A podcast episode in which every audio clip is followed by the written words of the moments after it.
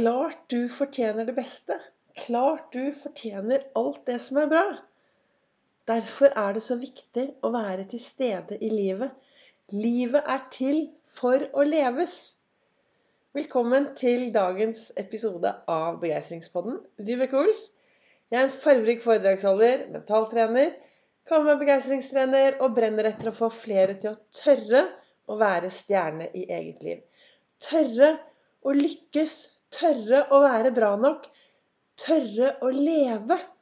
Livet er til for å leves. Jeg har min reise i bunn from zero to hero i eget liv. Jeg har gått fra ikke ville være her, til å faktisk være veldig levende. Jeg, på denne reisen så ble Ols-metoden til, min metode.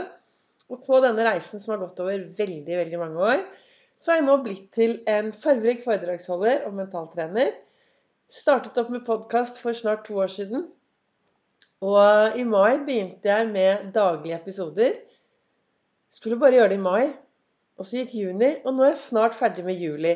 Og fortsetter med disse daglige episodene. Og jeg snakker ut fra det jeg, eh, det jeg reflekterer over hver morgen. Hvordan er det med deg? Ville du noen gang eh, gått ut Altså, vi, vi er jo veldig avhengige av mobilene våre. Og de fleste er jo så avhengig av at den skal være fulladet før man går ut om morgenen. Og vi må lade, og vi er så opptatt. Hvor mye batteri er det igjen? Men hvor ofte stopper vi opp og er opptatt av å lade oss selv? Hva gjør du for å lade dine batterier? Og jeg tenker at den morgenrefleksjonen som jeg har hver morgen i godstolen med en stor kopp kaffe, den morgenrefleksjonen den kan være alt fra tre minutter til en halvtime. Men det å sitte der og reflektere over hvilke tanker skal jeg ha med inn i dagen? Skal, hvordan skal jeg lykkes? Hva kan bli bra? Visualisere dagen. Jeg ser meg selv lykkes. Det er heiarop. Og jeg, jeg smiler og jeg ler til meg selv. Og jeg bestemmer meg bare for at dagen i dag, den er min, og jeg vil gjøre best mulig ut av det. Det er min måte å lade batteriene på. Det er en av måtene jeg lader mitt batteri på. Jeg lader også mine batterier med fysisk aktivitet. Gåtur, sykletur, trekkedekk. trekke dekk. Jeg er veldig aktiv fysisk, for det gjør at jeg blir glad. I dag satt jeg borte i stolen og åpnet kalenderen min på 25. juli. Kalenderen som heter 'Du er fantastisk'. Og der står det 'Du fortjener virkelig alt godt'. Jeg aner ingenting om hva som er alt godt for deg. Det jeg vet, er at når du slutter å sammenligne deg med alle andre, og begynner å finne ut hva som er bra for deg, hva du trives med, hva du ønsker mer av ditt, i ditt liv, og når du finner den indre motivasjonen, og kanskje noen gode rollemodeller, da er det enklere å virkelig få alt det som er bra for deg. Også i boken min her fra Lasse Gustavsson, som heter eh, 'Ord for dagen', den leser jeg også. Den har jeg lest i over ti år. Så når jeg kommer til 1. januar, så bare begynner jeg på nytt.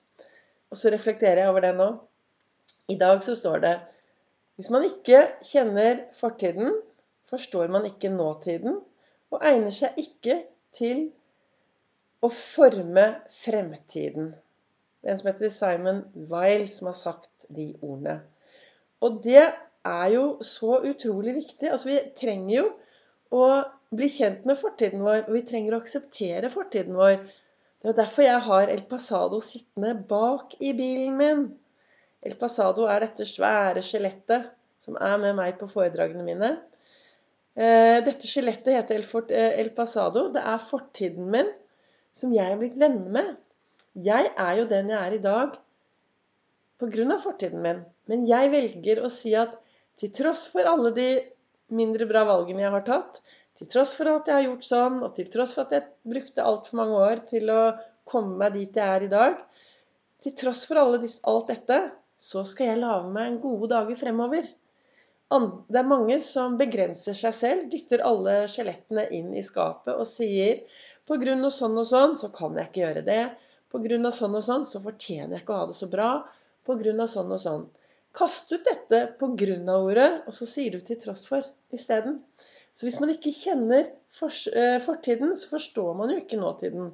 Og det er jo derfor jeg tror jo mer kjent, eller jo mer du aksepterer fortiden din og tenker at alt jeg har gjort så langt, har jeg gjort fordi jeg tenkte der og da at det var det beste for meg.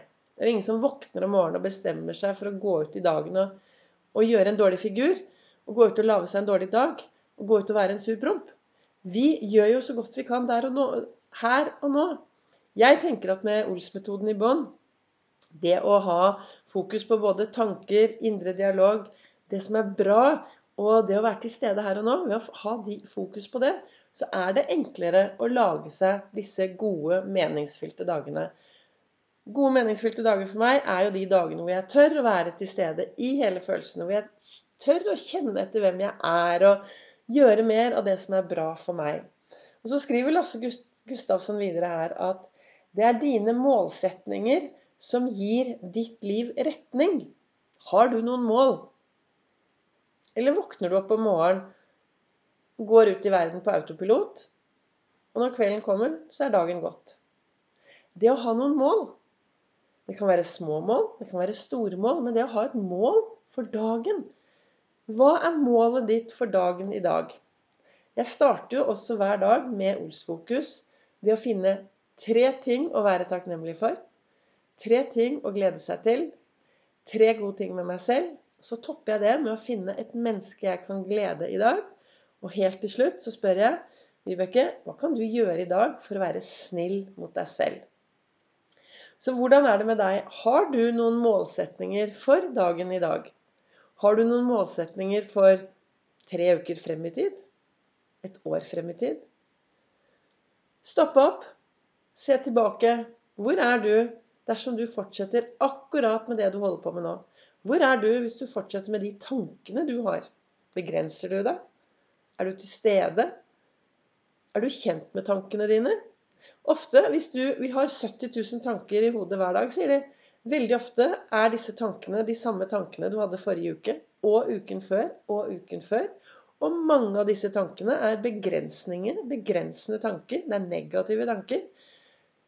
Begrensninger, altså det å begrense seg selv og, og være bekymret, bekymringstanker, er jo egentlig en negativ målsetting.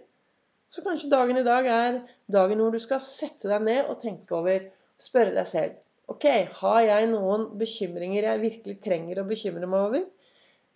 Eller skal vi kaste ut bekymringene og så lage oss noen gode tanker for morgendagen og dagen i dag? For det er i dag du legger grunnlaget for hva du skal se tilbake på i morgen.